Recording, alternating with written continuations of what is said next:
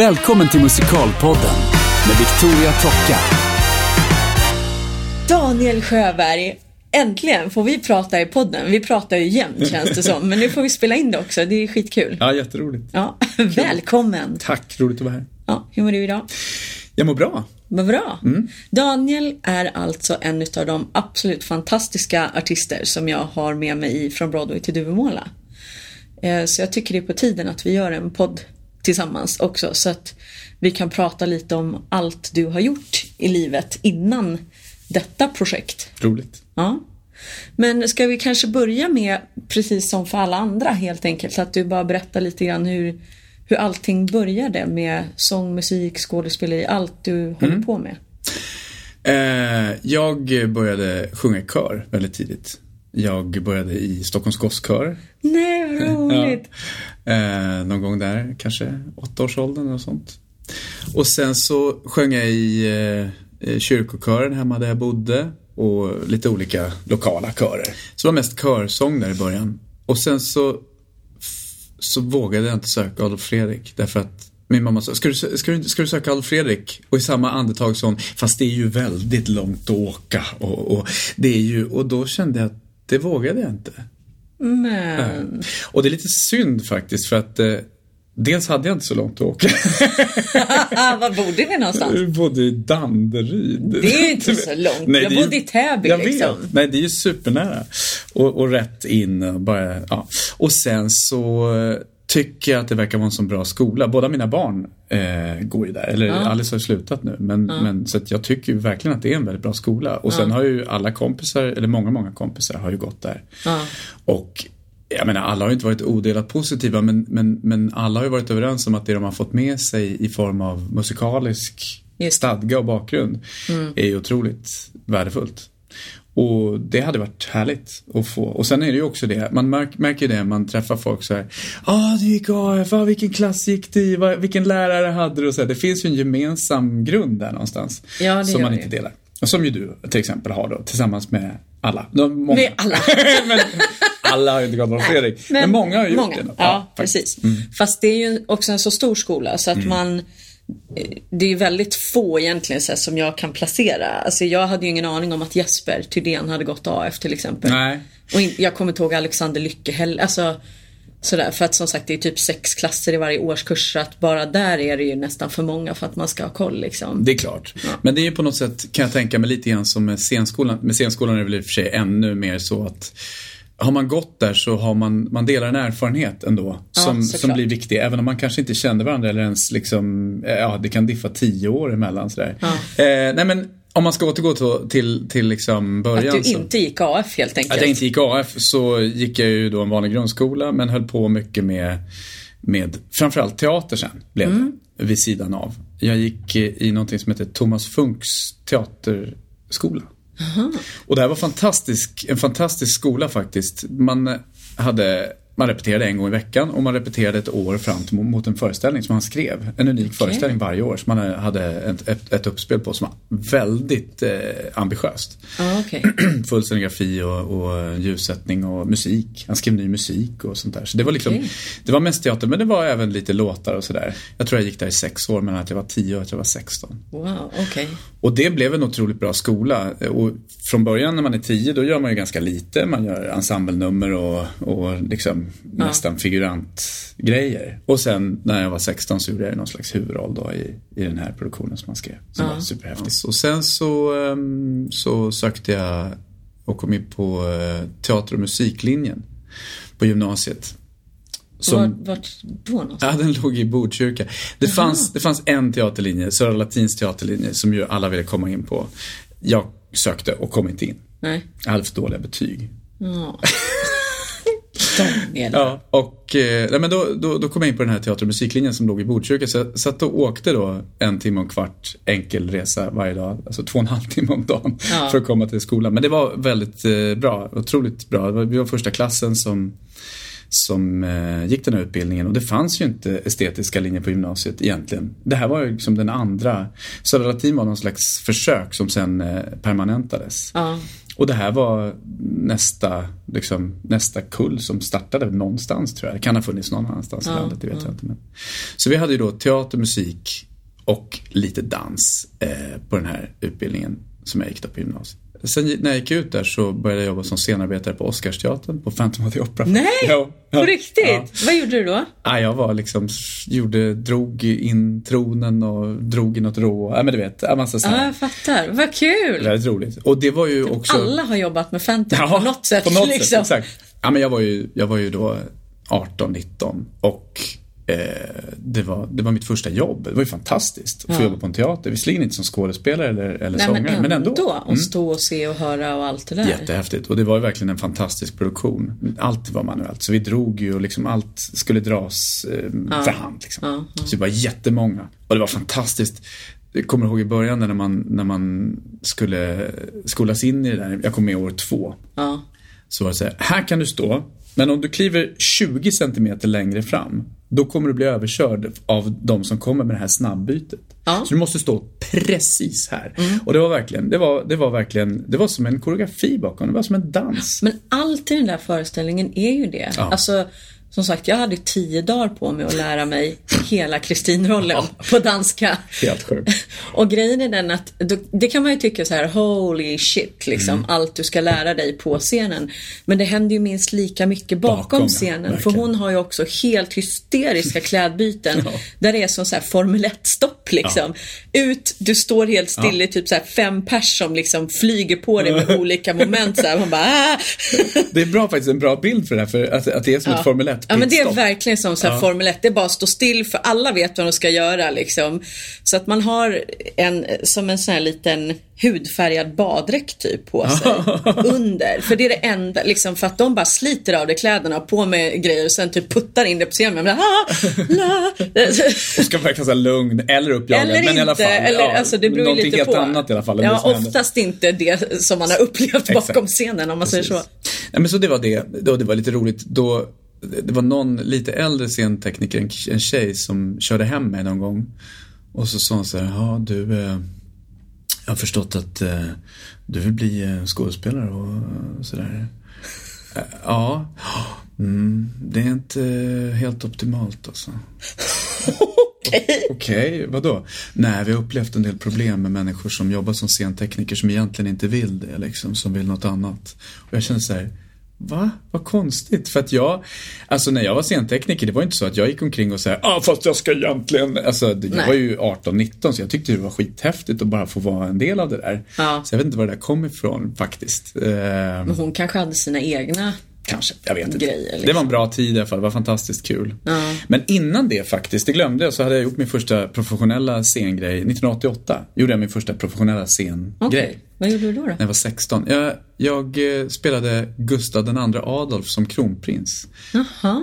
På konferensen eh, Ulriksdals slottsteater med massa folk från Dramaten. Så det var ju liksom massa Dramatenskådisar och så Ja. jag. Och massor med statister och jättehäftig produktion verkligen. Ja, kul. Så då, då gjorde jag mitt liksom, första professionella jobb där jag fick betalt. Ja, sådär, ja. Vilket var superhäftigt verkligen. Men sen, sen gick jag ju gymnasiet då och så dröjde det några år igen innan jag gjorde mitt nästa professionella jobb. Som var rederi. Jag var ju med första året då. Ja, vad hände sen? Dog du? Nej. Mm, Nej, jag klev av båten. Det var ju väldigt praktiskt på det viset. Att Ja. Kliver du av båten så har du klivit av båten. Liksom, då finns du inte längre. Serien var det så. Så jag var den första, första Men unga vänta, killen i maskinrummet. Ja, men hade du gått någon typ av utbildning då? Nej. Eller du bara gick och sökte typ så här, hej jag vill, eller liksom Ja, grejen var den att jag, eh, jag hade ju då gått ut gymnasiet och eh, jobbat på lite hotell och grejer så här som eh, room service och servitör och liksom, ja men du vet, frukostnisse och städare och allt möjligt. Det var, hotell var toppen på början av 90-talet, jag kunde få vilket jobb som helst. Och tyckte jag kände superbra. Förmodligen kände jag jättedåligt, men jag, jag, jag tyckte jag kände jättebra. Det var i och för sig bättre betalt för den typen av jobb då också. Ja. Men, eh, så jag gjorde det och så gjorde jag lite, någon novellfilm i den där vevan Eh, och då var det en fotograf från, eh, eh, fr- från Sveriges Television som var fotograf på den här novellfilmen. Okej. Och så sa han, du, de håller precis på att sätta igång en ny serie som ska utspela sig på någon båt eller vad det är. Eh, och de, jag vet att de faktiskt söker eh, en ung kille till det där. Rå- Och hur han råkade veta det, det vet jag faktiskt inte. Men jag ska rekommendera dig, sa han. Okej. Jag tänkte, okej, okay, okej, okay, wow, vad coolt, vad roligt. Ja. Jag tänkte mest att vad kul att han tycker att jag var så pass hyfsad så att han vill rekommendera mig. Och tänkte väl inte mycket mer på det där. Men sen så någon vecka senare så ringde det en, en rollsättare från, från Sveriges Television. Ja. Och så fick jag komma in på, på provfilmning för den här. Och efter några vändor så, så blev det så att jag fick göra den här rollen och det, det var ju verkligen en big deal. Alltså det var ju gud. 30 avsnitt liksom eller vad det var. Jo men Eh, plus att på den tiden måste man ju komma ihåg, det fanns vad, typ två kanaler Ja, det var- i hela Sverige. var- så det var ju det man tittade på liksom. Verkligen. Fick det var ju stor publik verkligen. Ja. Det var ju, och jag menar, det, det var ju fantastiskt fina skådisar med. Det var ju som Micke Samuelsson, Micke Persbrandt, Christer Henriksson. Och så här, det var verkligen fantastiskt bra Ja, folk med. gud ja. Och eh, serien var ju liksom rolig. Min roll var väl kanske, det var ju som, man hade inte riktigt hittat formen för hur man skulle använda ungdomar i såna här serier, tror jag. Nej. Det var inte som nu liksom att man riktade sig mot en ungdomspublik utan det var väl en ungdom skulle vara med för att, ah, jag vet inte. Det var, det var, han, jag jobbade i maskinrummet med Bert-Åke Varg och min pappa var styrman på båten. Ja. Och så var det, fick jag liksom mer observera alla andras problem. Jag hade väl någon egen linje med att jag var olyckligt kär i KK Åh. där. typ. Det var det.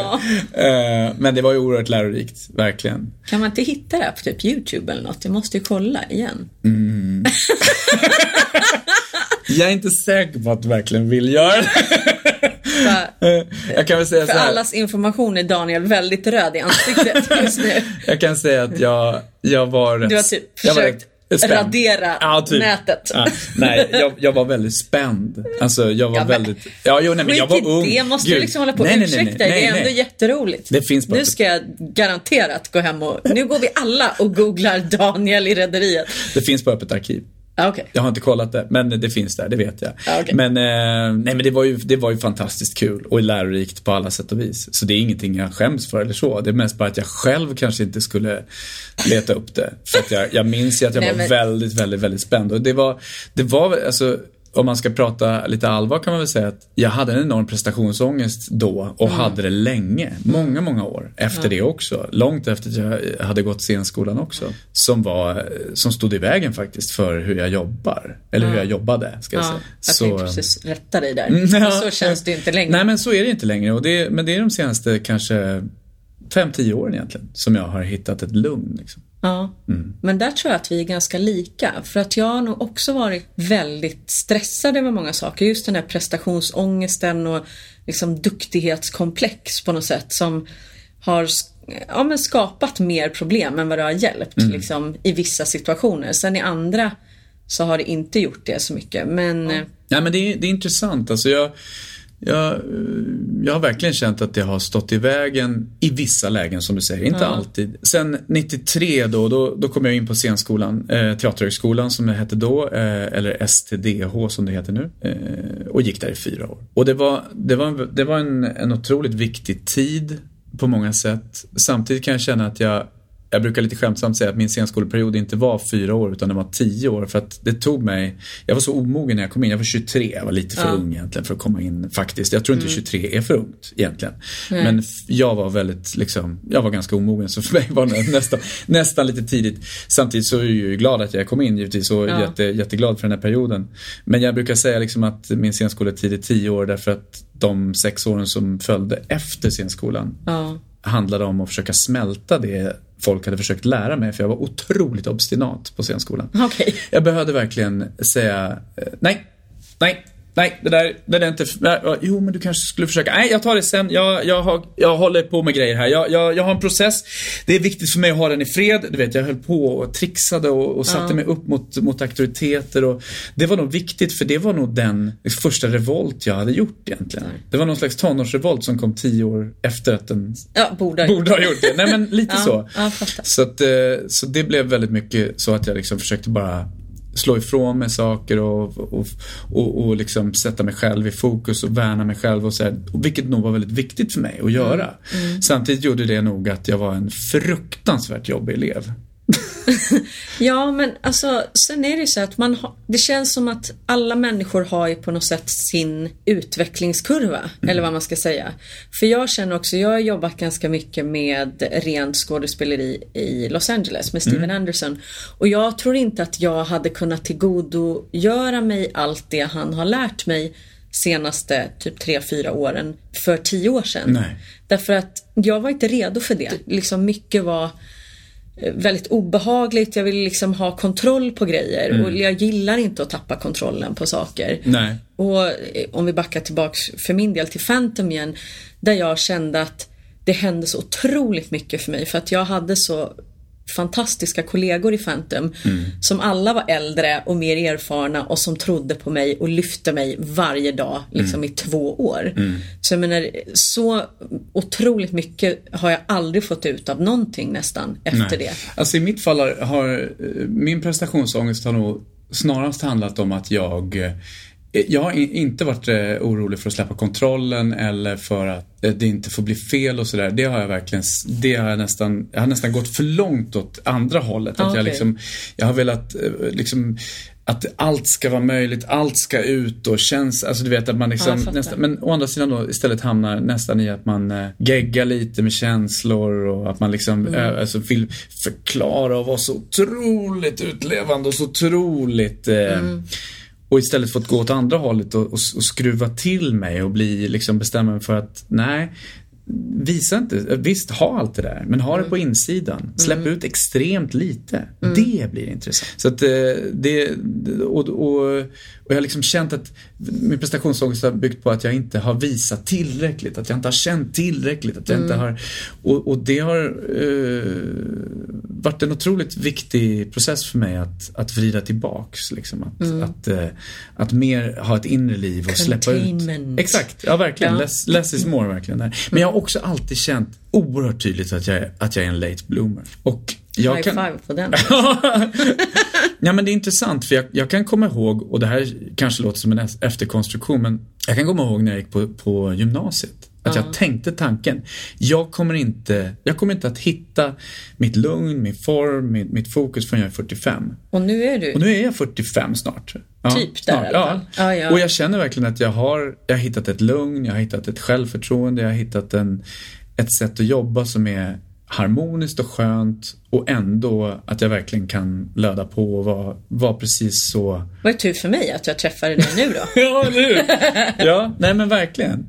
Alltså det har ju funnits saker tidigare såklart. Jag menar, jag hade ju inte kommit in på Teaterhögskolan om jag inte liksom hade haft något. Det, det är ju inte så. Det är, liksom, men det, är- det är inte svart eller vitt. Men jag har ju hittat en, ett, ett, jag har ju fått tillgång till mina redskap på ett sätt Mm. nu som jag inte hade då. Nej, men jag tror att det, alltså, det bara är olika. Liksom. Ja. Eller när jag satt och pratade med Sanna häromdagen så känner jag att hon har haft en mycket, mycket mognare inställning till hela branschen från det att hon började än vad jag har haft tror jag. Så. Mm. Ja, men och jag tror tror jag- att det finns många alltså, eh, exempel naturligtvis på folk som har varit mycket, mycket mer färdiga tidigare Mm. än vad jag har varit.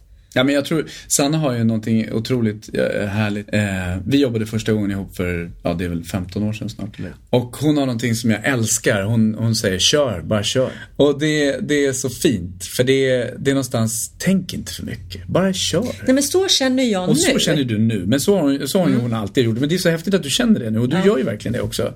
Du kör ju bara. Och det är underbart. Ja, men det är nog faktiskt, måste säga, jättemycket tack vare Steven Anderson.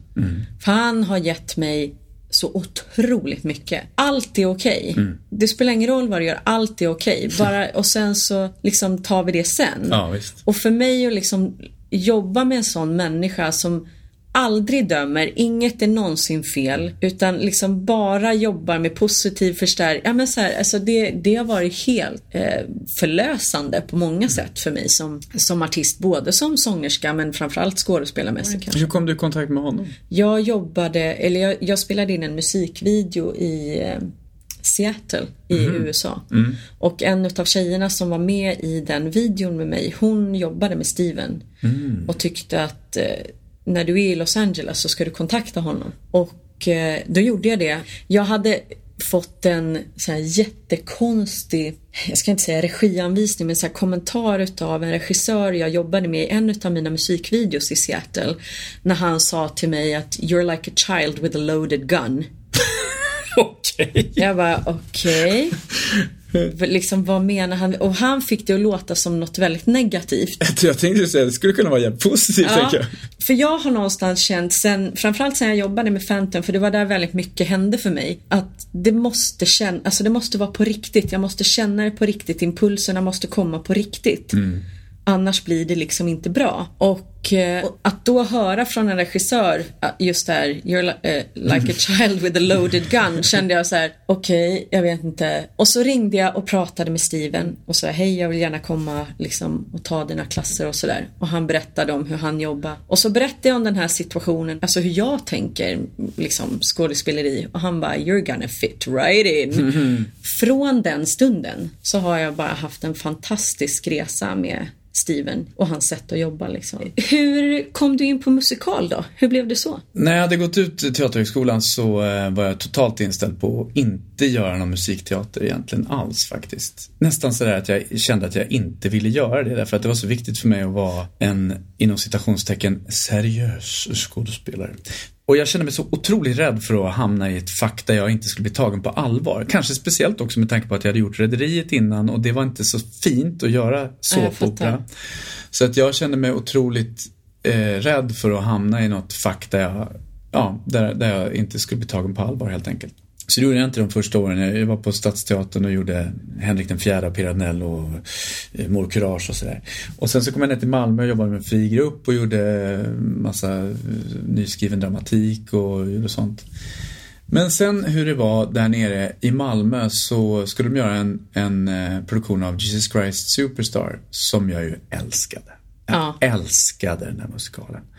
Och det här var en semiprofessionell eh, produktion där de ville ha proffs då i Jesus, Judas, Pilatus, ja, typ så. Eh, och det var auditions för den där och eh, jag lyssnade på den här vinylskivan, alltså hur mycket som helst när jag växte upp. Mina föräldrar hade den eh, och jag, jag älskade den här skivan verkligen. Så då kände jag, nej men det här måste jag söka. Det här är, och jag hade ju sjungit mycket rock och sånt där också innan jag liksom sjungit mycket i rockband och sånt. Så det var ju perfekt verkligen Ja.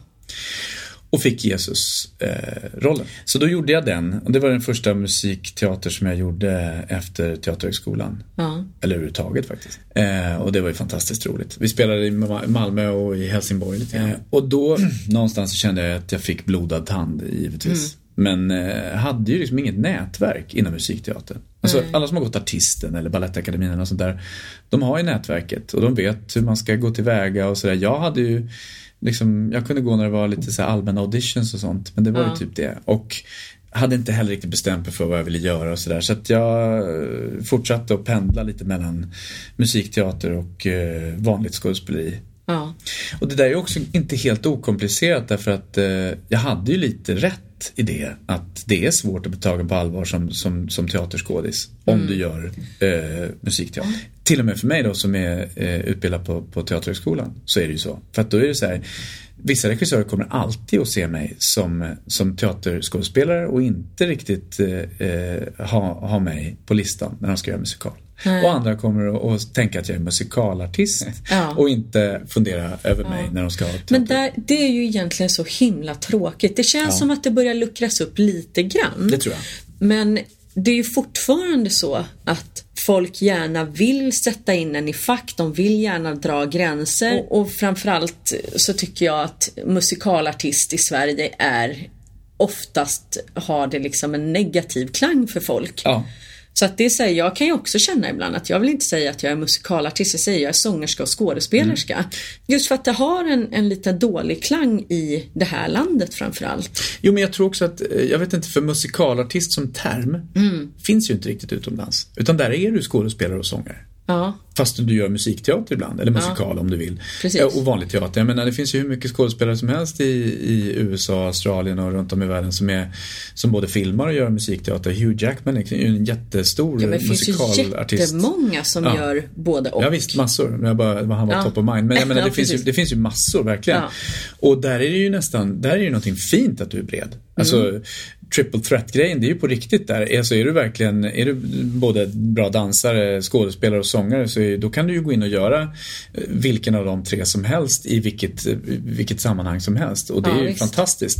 Alla kommer bara tycka du är grym liksom. Men här blir det som att Jag tror att det kanske har lite med Jante att göra faktiskt. Ja, det har det nog. Att vi, du, du ska, okej, okay, men du kan inte vara bra på tre saker. Du får välja en sak som du är bra på. Sen om vi tycker att du är bra på den saken, då kan du få bredda dig och då kan vi hänföras av att du också är en bra sång. Om vi, om vi till exempel har kommit fram till att ja, men du är en fantastisk skådespelare, mm. då kan vi sen hänföras åt att du är en fantastisk sångare också helt plötsligt. Och det var ju fantastiskt. Nej men det är ju helt otroligt. Är du en bra sångare också? Medan i USA så är det liksom, ja men du är en bra sångare. Är du en bra skådespelare också? Åh, oh, grattis. Ja. Good for you liksom. Ja. Men här är det inte riktigt så. Vi vill gärna stoppa in människor i fack. Och jag kan ju hamna i det där tänket själv också. Så att jag menar, det är inte så att jag tycker att alla andra är dumma. Sådär, nej, nej, det, men alltså det är klart. Det är, det är lätt hänt liksom. Jag tror att det ligger väldigt mycket i våran, våran kultur, vårt sätt att se på det. Men jag tror att det där är mänskligt också. För det blir liksom lättare att hantera om man vet att så här, ja men du är showartist eller du är, håller på med, slager eller du håller på med musikal eller ja. du är skådespelare. Alltså så här, att det blir liksom lättare. Ja. Än att faktiskt försöka liksom bara öppna sitt sinne lite och, och tänka bredare själv. Alltså, Verkligen. Men jag menar, jag är ju otroligt glad att jag valde, för det hade ju lika gärna kunnat bli så att jag hade utvecklat sången och valt att liksom gå musikalartist inom citationstecken banan då. Ja. Eh, för det, det, i och med att jag sjöng så mycket under min uppväxt så fanns det där som någon slags tanke. Ja. Eller för all del gå åt operahållet, vilket också fanns där eftersom jag sjöng mycket klassiskt liksom i mm. kör och grejer och sånt. Mm. Min mamma ville väldigt gärna att jag skulle göra det och därför gjorde jag inte det. Nej, nej jag skojar bara. nej men, eh, eh, nej, men, eh, eh, men hur som helst, jag är glad att jag, att jag gick eh, Teaterhögskolan och gick det, det spåret. För det har ja. ju ändå gjort att jag faktiskt har kunnat få göra både och. På ja. ett helt annat sätt. För om du går artisten till exempel, då är det väldigt svårt att få göra teaterjobb. Ja. Jag menar, Fredrik Lycke är väl kanske det enda exemplet jag kan komma på på en person. Det finns ju fler såklart, men jag kan inte komma på så många fler. Det finns ju inte många fler i alla fall. Nej. Som får vara, inom, inom citationstecken, får vara, både skådespelare och, eh, och musikalartist. Nej. Och även han, om du frågar en skådespelare på Stadsteatern vad han är, mm. så kommer ju de flesta att säga att han är musikalartist. Ja. Vilket ju är ett skämt. För han är en fantastisk skådespelare. Ja, fast samtidigt så varför är det ett skämt? För att som musikalartist kan du vara en jättebra skådespelare också. Absolut. Det är det jag kan tycka är lite så här. Okay, kan absolut. vi bara, bara för att du säger så här, ja men han är musikalartist. Ja, fast han kan ju vara en sjukt grym skådespelare för det. Det är, sant. Det är det som är grejen. Det är sant. Fel att Nej, men jag förstår så. vad men, du menar. Men, men alltså... Eh, jag håller verkligen med om att en musikalartist kan vara en fantastiskt bra skådespelare. Men mm. om man tittar på det utifrån så är det ju liksom jag tycker man ska säga att jag, jag skulle nog, jag skulle säga eh, att han är en skådespelare och en sångare. Ja. Framförallt. Eh, sen gör han musikteater och musikaler och vissa ja. kanske väljer att kalla honom musikalartist. Liksom. Det kan ju, alltså det, det är ju ja, hårklyverier på sätt och vis. Men... Musikalartist är ju väldigt brett. Ja. Om man säger, jag menar jag skulle ju säga att när jag gör musikal så gör jag kanske liksom mer musikteater. Mm. För att jag är inte så mycket dansare. Nej. Medan när jag tänker High five på den, det var ja. därför jag skrattade. Inte att du är dålig dansare, det har jag ingen aning om. Jag är fan mycket bättre dansare än vad du är, du, det, Jag kan säga så här, det är inte svårt att vara, för jag har dansfobi. Alltså jag har ju tagit koreografi, ja. men det tar ju mig 400 år. Men å andra sidan, återigen liksom, fan du är ju jättebra på massa andra grejer. Ja. Och som sagt, alltså Visst, ja. men det, det är ju, ja, men det där Skitsamma, har jag i alla fall Men det är lite roligt. Det är roligt, ja, ja, det är roligt. Ja, och framförallt tycker vi att det är roligt. Ja. ja, ja. Nej, men efter Jesus där så, så blev det ju lite mer, jag har gjort, eh, jobbat en del med, med musikteater på lite länsteater och sånt där, gjort bland annat en, en nyskriven grej, eller det var, det var en Junker Nils av Eka, en Astrid Lindgren eh, novell som, okay. eh, som gjordes som en monolog med nyskriven musik av Georg Riedel. Eh, jättefint. Han hade tonsatt ja. lite av hennes texter igen. Han tyckte det var så kul för han var med också under okay. repetitionsarbetet. Det här var liksom första originalproduktionen av den. Så eh, jättehäftigt att få möta honom. Jag gjorde en nyskriven musikal som heter Grymt på Göteborgsoperan. Eh, som är skriven av Mattias Wenge och Sara Youngfeldt och Rickard Bergqvist. Jag gjorde Jesus igen i någon konsertversion i Norrköping. Två nyskrivna musikaler som heter Ingenmansland och Dracula. Som kamikaze-projekt i en grotta i, under Vita bergsparken jobbade dygnet runt med det. Jag gjorde en nyskriven musikal med Ted Gärdestad-låtar som gick på Kinateatern. Ja, så jag gjorde massa, massa sådana projekt under ett flertal år efter det liksom. Och, och kände verkligen att ja, men det här är ju kul att kombinera och göra både och. Liksom. Ja. Verkligen. Och sen så, så 2008, precis efter Grymt faktiskt på Göteborgsoperan, så kände jag att jag pallar inte att flacka runt. Nej. Jag pallar liksom inte det. Mina barn var ganska små, jag kände jag håller på, jag håller på att förlora deras, deras Ja. barndom. Det här, är Ja. inte, det här är inte värt det. Liksom. Nej. Och då uppenbarade det sig ett, en möjlighet att eh, börja regissera tecknad film. Vilket jag, jag hade dubbat ganska mycket själv från slutet av 90-talet och, och fram till den punkten. Eh, och sen så fick jag möjlighet att börja regissera dem. Så då gjorde jag det och har regisserat ja, mest Disney men även en hel del andra grejer sen dess. Ja, just det. Och jag har, ju, jag har ju kombinerat det med att göra scenjobb också men, men mycket har varit det som, som har gällt. Liksom. Ja, men få hitta någon slags fast Ja, för mig blev det... liksom, för att kunna vara hemma. För att det Ja. har jag också upplevt lite grann. Att det är skitjobbigt att resa och vara på massa olika ställen. Mm. Och, jag menar, det är mycket ur den, vad ska jag säga, tröttheten och så som från Broadway till Duvemåla uppstod från Mm. början. För att jag också kände att det är jobbigt liksom på många sätt. Både fysiskt med, alltså för mig som har rest liksom så långt bort också, Asien och USA med Visst. Någon slags ständig jetlag och sen som du säger, man, man, eh, sak, alltså man missar mycket utav Mm. barnen liksom och, och allt det här. Och att försöka hitta då någonting att göra. Ja, det är ju fantastiskt. Alltså, men det, det, det som du har gjort med Broadway till Duvemåla, från Broadway till Duvemåla, är ju skithäftigt verkligen. Alltså, det, det känns så kul. Jag är så otroligt glad att få vara med i det. Eh, för att det är ett sånt fint projekt. Det är så, så fantastiskt fint gäng. Och också för att jag inte har sjungit eh, ordentligt de senaste åren ju. Eftersom jag liksom lite grann tog ett avsteg från det där. Så har det också varit lite grann ett uppvaknande för mig och en ny lust, lust som har väckts igen till det liksom. Och sådär. Ja. Så eh, det är verkligen fantastiskt kul. Det tycker jag är jättekul Mm. också. Nej, men alltså, det känns som att det är flera i det här projektet. Du Jesper har sagt det också, Laila lite grann också så här. att Just för att det har blivit som det har blivit så att säga. Mm. Så att det har växt på det sättet det har gjort. Och att vi också har växt ihop som Mm. grupp på ett väldigt speciellt sätt tycker jag. Ja men det är så Som kul. att liksom, det är många som, eller flera som, nej men jag menar Jesper hade ju också flyttat hem till Sverige och Visst. liksom börjat jobba mer som lärare och så. Han mm. är ju en fantastisk artist Ja, liksom. verkligen. Och som nu, ja men också har liksom klivit lite ur idet på något sätt Ja. och liksom alla har så vaknat och ruskat av sig någon slags vinterpäls Ja. på något sätt och bara nu kör vi. Men det är så otroligt märkligt faktiskt. Mm. Eh, och fantastiskt kul. För det, det är verkligen så. Eh, jag menar när du hörde av dig första gången om det här, då var det en konsert. Mm. och det, bara det var ju skithäftigt. Och jag var jätteglad att du frågade mig om det och kände, kände, kände mig verkligen privilegierad som, som fick frågan ens. Nej men verkligen, på riktigt. Jag menar herregud, vem, vem, blir inte, vem blir inte helt fantastiskt glad om, vill du göra ett gig i Bärvaldhallen? Ja tack, det skulle jag gärna göra. Eh, och sen, sen så, så blev det så fint som det blev och funkade så bra och, och du liksom jobbade vidare och hittade verkligen rätt hela vägen och, och projektet växte och det har vuxit så organiskt också. Vuxit både rent innehållsmässigt och att vi har vuxit ihop som du säger och att, att det har funkat så fantastiskt bra som det gör. Jag menar, jag blir alldeles rörd när jag tänker på det gensvar som vi får. Liksom, det är ju det är inte vanligt. Det är faktiskt Nej, inte det är det inte. Det är svinhäftigt. Det är ju, ja, men man känner ju, vi har kul ihop och ger en väldigt bra grej. Mm. Men det är ändå fantastiskt. Det är, det är fantastiskt privilegierat. Alltså det känns Ja men otroligt. gensvaret från publiken det tror jag inte att man hade liksom kunnat föreställa sig Nej. sin vildaste fantasi Verkligen faktiskt. inte. Verkligen inte. Så det känns som att vi har hittat väldigt rätt Men det är så projektet. kul att få göra de här sologrejerna som, som jag och alla vi gör. Liksom. Det är sånt som vi har plockat på lust. Som vi, det här skulle jag verkligen vilja göra. Ja. Och jag tror också att det är det som känns någonstans. Ja. Att det här är såna grejer som vi verkligen vill ge en publik och göra Ja. och bjuda på.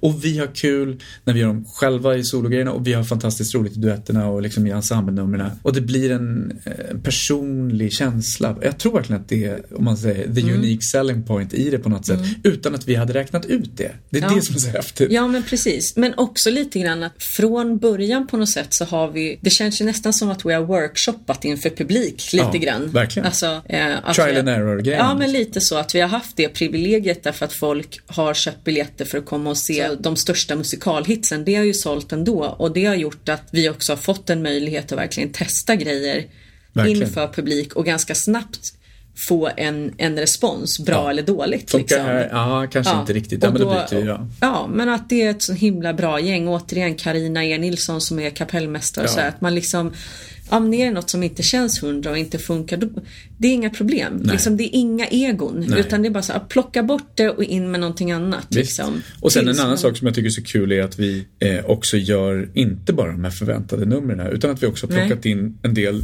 som, är, som till och med var nytt för mig. Jag menar broarna i Madison County, Ja.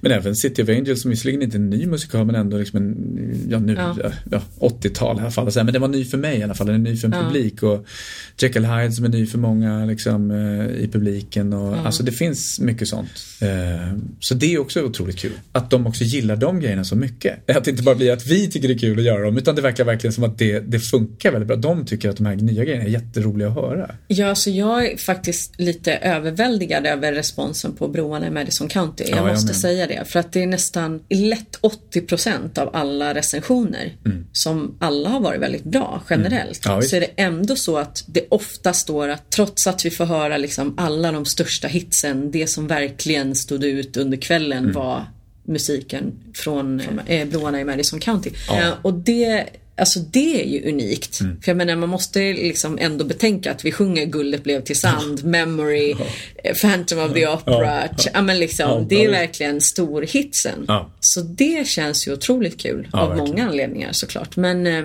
roligt att publiken och pressen har, ja men eh, att de ändå öppnar liksom för lite annat också. Mm. Ja, jätteroligt. Nej, det är ett fantastiskt roligt projekt och, och som vi började prata om innan vi började spela in tidigare idag. Jag hade ju aldrig kunnat gissa att det här skulle bli så stort och så mycket som det har blivit nu och det är fortfarande ingen utav oss som vet var det kommer sluta Nej. eller så utan det är fortfarande liksom i någon slags uppåtkurva. Ja. Absolut. Men att våga starta projekt som oavsett vilken skala man börjar på. För jag tror så här att hade jag liksom från början vetat att ja, men det här kommer bli skitstort och du kommer liksom ägna all din vakna och sovande tid Mm. typ åt det här projektet.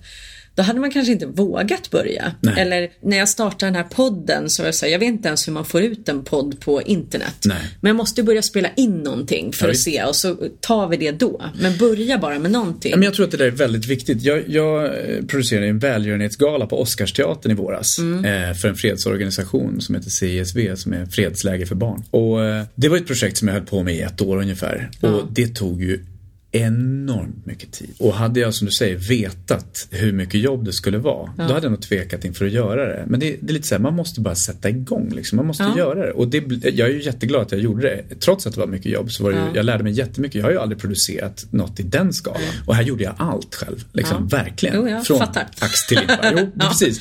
Och det är ju superhäftigt. Och det är ju erfarenheter som man, man det ger en självförtroende, det ger en driv, det ger en, Mm. en känsla av att saker och ting är möjliga.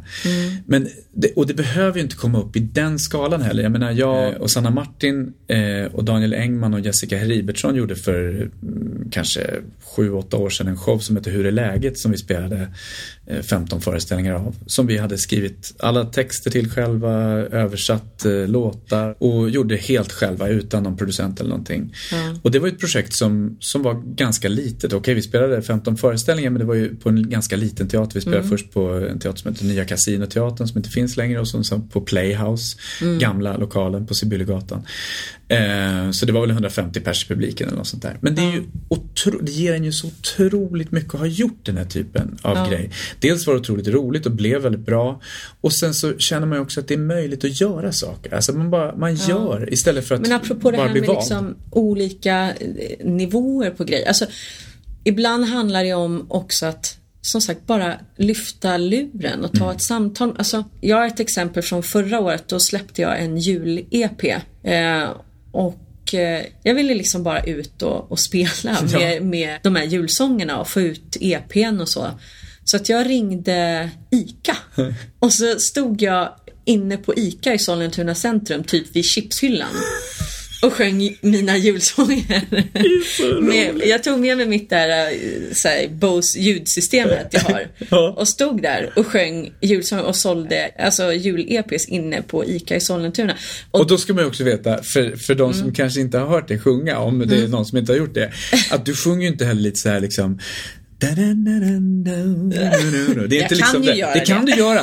Men jag menar, jag föreställer mig att den här oftast. jul-EPn kanske handlar om att vara rätt så, alltså, ja men det är stor, det är liksom, Ja, det är ganska, rätt, ja. det är mycket, mycket röst och det är mycket känsla och det är liksom lite anspråksfullt. På ett bra sätt menar jag. Ja, ja, men jag ja. menar, att göra det vid chipshyllan då, det är ju också ett större kliv än att ställa sig och sjunga jazzstandards. Även om det också är ett kliv givetvis. Men, Ja, nej men liksom, och själva grejen var ju bara att jag kände att ja, men jag vill ut och sjunga för folk. Ja, det är skithäftigt. Och, och då spelar det liksom ingen roll. Alltså, bara några månader senare stod jag liksom inför typ så här 30 000 pers i Peking. Mm. Och, så att just det här att det spelar liksom inte så himla stor roll. Nej. Utan bara kom ut och sjung för folk eller gör någonting. Liksom. Ja, men jag tror för också att det. varje liten grej, oavsett hur stor eller liten den är, så är det ett steg. Ja, verkligen. Ehm, och det känner jag att man gärna skulle liksom vilja uppmuntra folk till att och bara, bara det- testa. Alltså, och ibland faller man på arslet liksom och ibland blir det ingenting. Och ibland, men att bara den här, eh, ja, nej, men vi pratade lite snabbt när du kom här om, eh, Daniel tyckte det var väldigt roligt med min eh, podcast eh, eh, teknik här. För att det, jag har ju inte några liksom jättedyra eller avancerade grejer för att kunna göra det här. Nej. Medan ja, du sa själv att när du hade börjat fundera på något liknande så bara, då måste jag ha de här grejerna och så Mm. måste jag göra det här. Och helt plötsligt så liksom skapar man så mycket stora hinder för sig själv att man Ja. aldrig ens börjar. Nej, jag tror det är väldigt... Det var ju någon som sa till mig eh, för massa år sedan, om du vill få någonting gjort, boka gigget. Ja, Boka precis första så. giget. Boka och- ja, Halland men exakt. Daniel. Du, du, Ja, men- ja, boka, precis, och det kan, det, räcka med, det kan ju räcka med att du bokar din lokala kyrka eller, Mm. eller en liten scen. Alltså det behöver inte vara eh, gigantiskt, men just, boka gigget. Då har Ja. du en deadline som du måste förhålla dig till och sen så är det bara att köra. Ja, men det, är faktiskt, vad heter han? Richard Branson, Virgin. Ja, visst. grundaren. Jag har för mig att han har sagt någonting i stil med att säg ja och lös problemet senare. Mm. Och det är lite någon slags mantra jag har. Säg Mm. ja och lös problemet senare. Du måste inte ha alla svar nu. Du måste inte veta allt nu. Nej. Utan alltså, när jag ringde och började sälja in från Broadway till Duvmåla från början. Jag hade ju inte alla svar. De ställde ju skitmycket konstiga frågor Mm. som jag som aldrig har bokat eller producerat. Nu vet jag, jag visste knappt vad en rider var. Jag vet typ fortfarande inte riktigt vad det är. Så jag chansar lite när jag ska... men, nej men förstår du, du får liksom jättemycket frågor om grejer som du inte har någon aning om. Nej. Men det är bara att eh, jag kan inte svara på det nu, men Nej. jag återkommer. Och sen så bara Google, ring runt och fråga och lös problemet. Ja. Men säg ja och lös problemet, för att annars kommer du ingen vart. Nej men jag tror verkligen att det stämmer. Och jag, jag tror också, dels så tror jag att det är viktigt för att du kommer vidare, det blir steg på vägen som du säger. Och dels så får man självförtroende av det. Och, och, och det är ju jätteviktigt att man liksom känner att man, att man får mer och mer trygghet. Och just det här med att, att hela tiden vara utelämnad till att bli vald, som ju skådespelare och Ja. musikalartister, eh, sångare är liksom väldigt mycket. Eh, det, det urholkar väldigt lätt ens självförtroende. Faktiskt det urholkar ens självkänsla. Alltså det, det blir problematiskt. Och det, det tyckte jag var så skönt med att börja regissera för att det gjorde också att jag inte behövde vara lika beroende av att bli vald. Utan jag kan ta aktiva val i dem. Ja. Alltså välja att göra det här. Ja men det här vill jag verkligen göra. Vid sidan av det här regigrejen som ju inte, ja som jag kan styra lite själv över tid och så. Och så kan jag göra den här produktionen samtidigt för det här är superkul. Liksom. Det, dels det liksom att, att, inte, att inte vara lika utelämnad till att bli vald och så att man får mycket självförtroende av att göra egna grejer. Gjorde en Frank Sinatra-show för massa år sedan som också var ett helt eget projekt. Jag och Jonas Karlsson eh, med en jazztrio. Vi körde eh, under flera år på Stadsteatern och Mosebacke och sådär. Det var också ett sånt där lustprojekt Ja. som gav mig jättemycket kraft och, eh, och det var väldigt bra också. Men det, det, just att vi hade gjort det själva. Det var, om det var dåligt så var det då var det bara vårt fel. Och var det bra så var det, då var det vår förtjänst lite grann. Och nu var det ju bra som du var, så det blev ju vår förtjänst med. Men det hade ju kunnat lika gärna kunnat vara något annat. Men även det kändes som en, en viktigt steg. Okej, även om det blir dåligt så är det i alla fall vi som har valt att göra det. Det är vi som har valt att göra det på det här Precis. sättet. Liksom. Nej men jag tror att det nog har varit en väldigt stor drivkraft för mig. Mm. Just det här att jag kände väldigt dåligt självförtroende eller hade dålig självkänsla under lång tid just för att jag hade sån, så mycket problem med att jag liksom alltid fick höra att jag var för lång eller att jag var för kurvig eller jag var för det eller jag var för det och liksom jag kände att jag aldrig dög. Nej men då får jag göra liksom grejer själv där jag bestämmer och så. Alltså så att jag, för mig har det ju varit någon slags så självförsvar också tänkte jag säga. Att liksom, men, men då gör jag eget och så styr jag över det själv och så blir det som jag vill. För att precis som du säger att blir det dåligt så är det ändå något jag ville göra. Mm, precis. Och, och, nej, och alltså där har det nog ändå varit så att jag tackar hellre nej till saker som inte känns bra i magen för att jag jag har skitsvårt att ta dålig kritik också. Alltså du vet så här negativ mm. kritik. Jag kan absolut ta konstruktiv kritik, det är en helt annan sak. Mm. Men att bli liksom nerskriven eller få liksom taskiga kommentarer på nätet så här, det tar väldigt hårt på mig. Mm. Och då måste jag själv känna att om det kommer, mm. då måste jag åtminstone känna att jag var nöjd eller att jag gjorde något som jag ville göra för då är det mm. mycket lättare att hantera det där. Samtidigt ska man ju aldrig, man kan ju aldrig liksom eh, försäkra sig mot det där. Nej, det kom, man kommer ju vara med i projekt som inte är bra. Jag, jag måste säga helt ärligt att jag har slutat läsa recensioner. Ja. För att jag, jag hanterar inte det något bra. Jag gör inte det om jag inte, om jag inte vet att recensionen kommer att vara bra. Om det inte står att eh, Daniel Sjöberg mm. håller högsta klass som i senaste recensionen. Ja, då blir man ju glad. Men det, det gör ju du citat av så du slipper läsa hela recensionen. Det är toppen. Nej, men jag, jag, jag hanterar inte det bra faktiskt. Så Nej. då har jag faktiskt valt bort det. För att ja. jag vet att jag att jag, jag liksom, det blir för viktigt och det är ändå bara en subjektiv åsikt ja, från en person.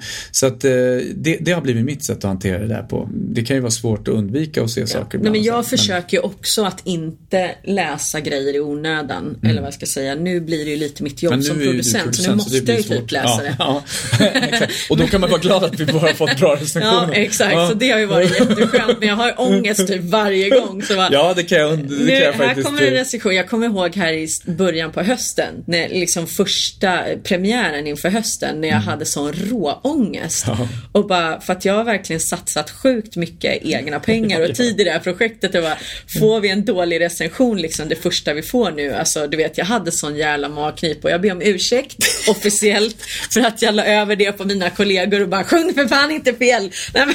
Ja, för det var verkligen så. Du sa innan, innan, vi, skulle, innan vi skulle göra första föreställningen för hösten, så sa du så jo sjung, sjung bra, ni sjung inte fel nu för vi, vi, kan inte få en dålig recension alltså, för då, och jag, då sa jag så här, åh, vad va, va skönt avslappnad jag blir nu. ja, jag skojar jag ju bara för att det, ja. det, det, liksom, det betyder ingenting, alltså det, jag, jag blev jag inte vet. stressad av det. Men det Nej, hade, jag var rätt stressad ja, kan jag säga. Jag, vet, jag, var faktiskt det. det. Men eh, nu känner jag mig rätt så lugn faktiskt. Ja. Det, men, men det, är ju jobbigt för att då är det liksom inte bara liksom skriver om att äh, men Victoria Tocca var dålig. Nej. Men utan det liksom handlar om så jävla mycket klart, annat för mig i det här läget. Ja, och, det, och du, liksom... så, så, det är ju, du måste ju läsa dem där. Det blir ju en helt annan grej för det. För det är ju det är liksom en, en mm. ja det är ju viktigt för projektet såklart. Så det, ja, det där blir ju svårt. Men, äh, ja. men annars så håller jag med. Okay. Men ähm, för att avsluta lite så här, jag är lite sugen på, har du några drömroller kvar? När det gäller framförallt musikal? Alltså, har du något som du liksom fortfarande känner så här, det här skulle jag verkligen vilja göra? Det är intressant att du säger. Jag har liksom aldrig haft några drömroller. Nej. Eh, inte ens Jesus Christ Superstar? Jo, det var väl kanske, kanske jo det var nog en drömroll. Det har ju en särställning i och med att det fanns med sen, sen jag var så liten. Mm. Jag tycker nog snarare att sammanhangen är viktigare än rollerna faktiskt. Mm. Det du och Sanna låter... är kompisar va? Ja. Äh, vadå? Har hon också sagt Jag måste ha exakt äh, Vad roligt.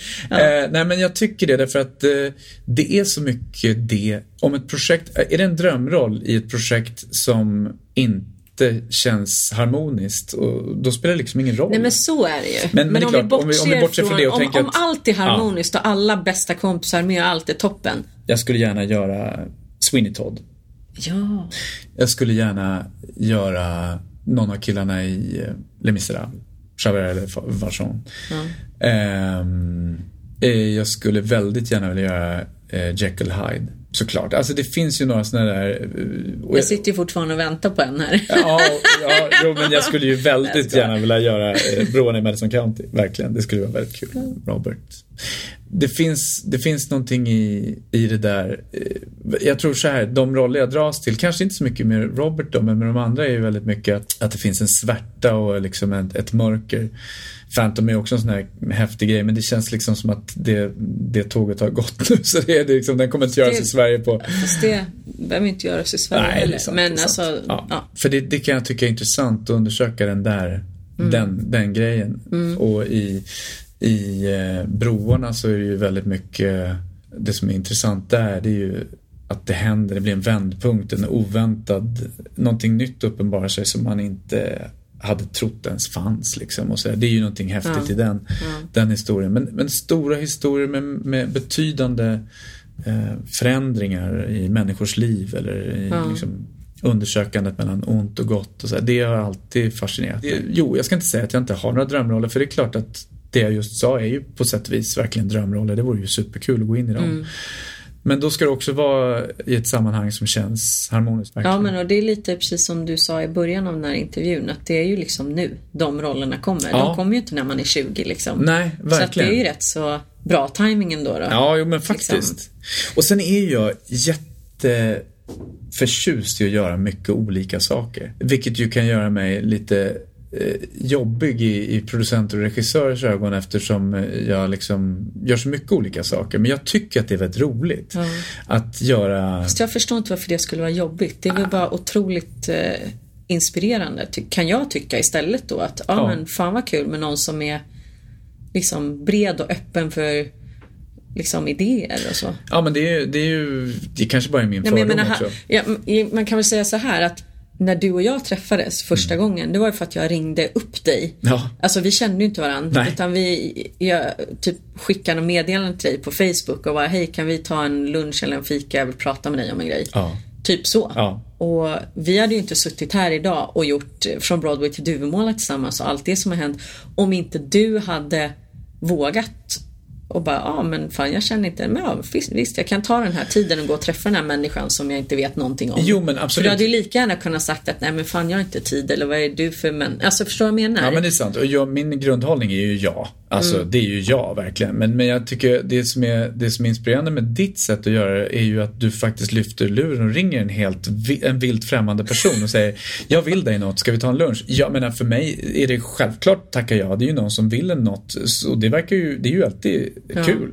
Men att, att göra som du gör, att våga göra den grejen, det är ju fantastiskt coolt. Och där har jag nog en del att lära. För det, det, jag, jag har inte alls lika lätt för det där. Det, det tycker jag är skithäftigt att göra verkligen. För mig är inte det så läskigt. Nej. För det enda som kan hända är att du säger att nej men fan det passar inte så bra eller nej mm. eller så. Mm. Ja, Okej, okay, fine men då går du på nästa mm. boll liksom ja. eller så. Eh, så att för mig är det inte en sån läskig grej nej. att göra det där. Nej men det, det är coolt, jag tycker det är verkligen ballt och jag menar vi hittade ju liksom, det fanns ju ja, ja, Det fanns ju grejer vi ville göra båda två, eller vi ville ju göra samma sak, vad ska jag säga. Jag tyckte det var skithäftigt med det du kom med så, så jo, det var ju men det kändes också som att vi hade mycket samma, alltså vi klickade rätt ja, bra från början. Liksom. Verkligen, verkligen. Så att, eh, Ja, men kul att du kom på det mötet och att vi sitter här nu. Väldigt roligt. Du, Daniel, stort, stort eh, lycka till med allting annat som inte är från Broadway till Duvemåla. Men framförallt till oss med, med konserterna. Vi ska ju fortsätta jättelänge känns det som. Ja, det ser jag verkligen fram emot. Och med massa andra bra projekt också. Ja, superkul ska det bli. Ja, kul att du var här. Roligt att få komma. Musikalpodden med Victoria Tocka.